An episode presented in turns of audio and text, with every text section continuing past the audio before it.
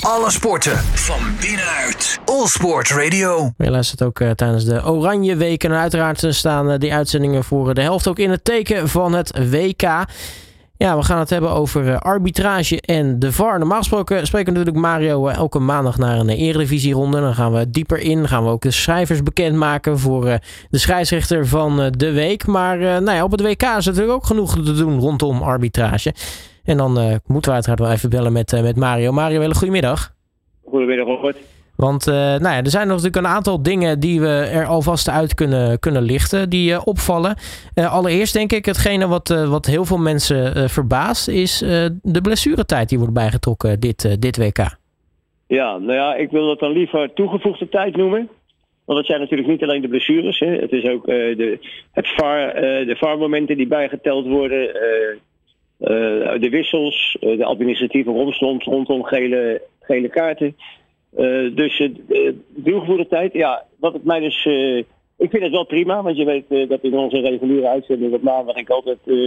ja, toch altijd heb gepropageerd dat, dat ik vind dat we zo snel mogelijk naar de zuivere speeltijd toe moeten. Ja, ik wil zeggen, want nou ze, hebben naar je geluisterd, de FIFA, Mario. Sorry? Ik wil wel zeggen, want ze hebben naar je geluisterd dus, uh, Mario, eh, de, de FIFA. Ah, nee, nou, nog niet. Want uh, ik denk dat dit een soort tussenfase is. uh, dat ze in ieder geval wel doorhebben dat... ja, er waren natuurlijk ook bijvoorbeeld wedstrijden in Champions League... die op 58 minuten zuivere speeltijd uitkwamen. Ja, dat, is, dat kan natuurlijk gewoon niet. Als je twee keer drie kwartier hoort te voetballen, laat ik het zo maar zeggen. maar goed, misschien is dit een tussenfase. Wat me dan weer zeer verbaast is niet alleen... dat ze dus uh, ja, met 10, soms 12 en, en soms nog wat meer minuten strooien. Maar dat ze dat van tevoren, uh, voor het toernooi, niet even bekend maken. Dat we nu, ja, nu zit iedereen toch de eerste twee dagen te kijken. Hè? 10 minuten, 8 minuten, 9 minuten. Dat, dat zijn, ze, zijn we niet gewend. Dus als ze dat even van tevoren kenbaar hadden gemaakt, dan, ja, dan had je in ieder geval een hoop vraagtekens kunnen voorkomen weer. Ja, maar het is in ieder geval een goede zaak, vind ik.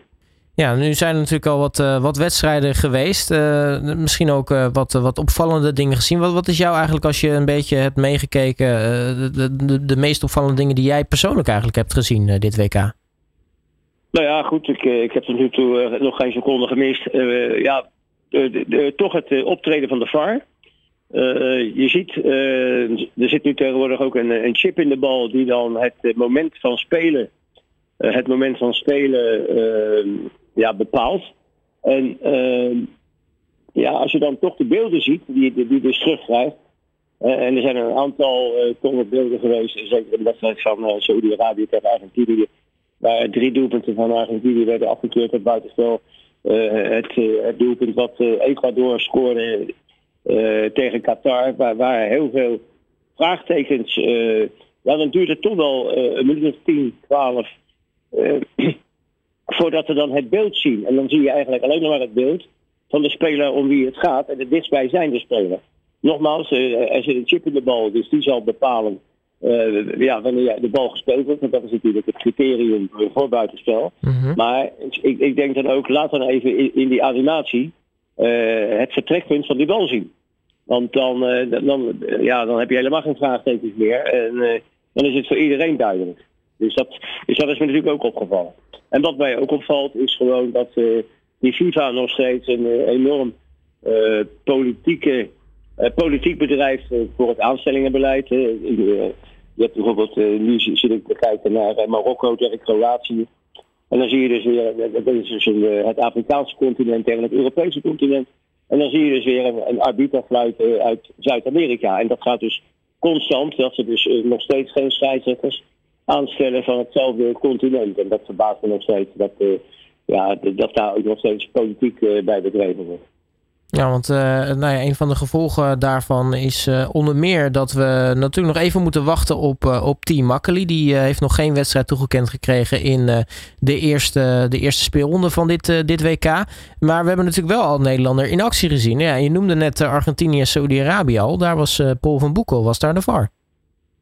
Ja, nou ja, er zit geloof ik een, eh, een heel elftal uh, aan vars. Dus wat dat betreft uh, ja, doet hij dat niet alleen. En, uh, maar ja goed, het, dat is natuurlijk ook dat is prettig. ja, je zegt net het team Makkeli. Ik, ik heb het idee En dat, ja, je hebt natuurlijk daar ruim 30 scheidsrechters rondlopen. Dus als ze allemaal aan de beurt moeten komen. Ja, dan, dan, dan kan het misschien wel even, even wachten. Maar ik, ik, ik denk toch ook als, we dus nu, ja, als je de wedstrijden voor de komende dagen ziet, dan, dan, dan zit er misschien vrijdag misschien wel aardig, iets aardig in het gat. Want dan en heb je bijvoorbeeld ook Frankrijk, nee zaterdag is. Frankrijk, Denemarken en misschien wel de kraker van die eerste ronde natuurlijk. Dat wordt, dat wordt natuurlijk Mexico, Argentinië. Dus ja, ik denk dat hij een beetje duimen moet draaien om al zo'n wedstrijd te krijgen. En we hebben het Nederlands elftal natuurlijk ook al in actie gezien uh, tegen Senegal. Daar hadden we een Braziliaanse scheidsrechter. Hoe vond je hem fluiten? Nou, dat vond ik tot nu toe de beste die ik gezien heb. Dat, uh, dus die, dat, vond ik gewoon een uitstekende prestatie. Ik heb er ook al een aantal scheidsrechters. Gisteravond zag ik een Zuid-Afrikaan en een Australiër. En ja, dat, dat, dat zijn volgens mij dat zijn, dat zijn natuurlijk wel goede scheidsrechters. Maar je hebt natuurlijk ook weer het verschil tussen goed, beter en best. En dan denk ik dat we dit wereld, wereldkampioenschap de allerbeste moeten lopen. En dan, dan zie je toch een, een onderling verschil. Wat ik net zei, de scheidsrechter die bij Nederland-Senegal, dat was Sampaio uit, Brazilië. Ja, eh, eh, daar zit toch wel een, ook nog wel een grote verschil in. En dat, nou ja, wat ik eerder zei, het is natuurlijk een echte politieke keuze. en, en het is niet alleen met de aanstellingen, maar natuurlijk ook met de, met de aanwijzingen al. Dus wat dat betreft, ja, denk ik gewoon dat het een, ja, een vaststaand FIFA-gegeven is dat ze de laatste jaren opereren. Ja, nu uh, zei het al even, hè, blijkbaar is er dus nog steeds het geval dat, uh, dat ook uh, continenten, dat daar naar gekeken wordt in plaats van enkel landen, zoals we dat misschien in Europa wat, wat meer gewend zijn. Ehm, wat, wat, wat geeft dat dan voor de kansen van een makkelijk om dan echt, uh, echt grote wedstrijden te fluiten. Want nee, ik, ik denk, uh, nou, ik denk velen met mij. Er komt natuurlijk, uh, komen de mooie wedstrijden aan. Je noemt dan natuurlijk een Mexico-Argentinië. Maar misschien het meest in de oog springende wedstrijd is, is Spanje-Duitsland in de volgende speelronde. Maar die, nou ja, die zou hij dus niet kunnen fluiten. Zou, kunnen. zou nou, dat wel kunnen? Misschien is het even afwachten. Dus, uh, maar ja, goed, je moet eerst maar, uh, dat zeg ik. Het, het, het, is ook een beetje hoe, hoe je het in het pulletje valt natuurlijk. Kijk, als er twee Europese landen zijn, uh, dan heb je ook kans dat er een Europese scheidsrechter is. Maar ah. ja, kijk, ik vind het heel gek. Ik, uh, uh, dat, dat, je als, als scheidsrechter, dan, dan word je toch, mag je toch aannemen dat je in ieder geval heel neutraal bent.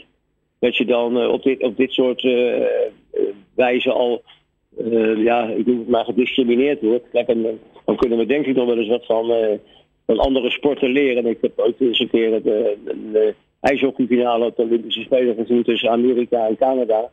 En die wedstrijd die werd geleid door eh, de drie Canadese eh, umpires. Ja, en waarom? Omdat ze gewoon de beste waren. En ook die mensen die denken gewoon uh, heel professioneel. Dat is, dat al heel anders dan het, ja, het, het, politieke, de politieke inslag die bij de FIFA nog steeds is. Nou, we gaan in ieder geval zien wat het nou ja, voor de rest dit WK gaat brengen. Ehm, Mario van den Ende, mag ik je hartelijk danken voor je tijd. En wij spreken je natuurlijk sowieso later dit WK weer voor weer een update wat betreft de arbitrage. Ja, zeker. En we hebben natuurlijk vrijdag hebben we weer een uh, bloedzweet en tranen. Absoluut. We de, de oud-Nederlandse uh, speler Johnny Rep. Nog steeds uh, de WK-topscorer van Nederland alle tijden. Dus die hebben we in de uitzending. Dus tot dan. Ja, absoluut niet te vergeten inderdaad. Komende vrijdag tussen 3 en 4 die uitzending. Mario, ik zou inderdaad zeggen tot dan. Oké, okay. hoi hoi. Fijne dag. Alle sporten van binnenuit. All Sport Radio.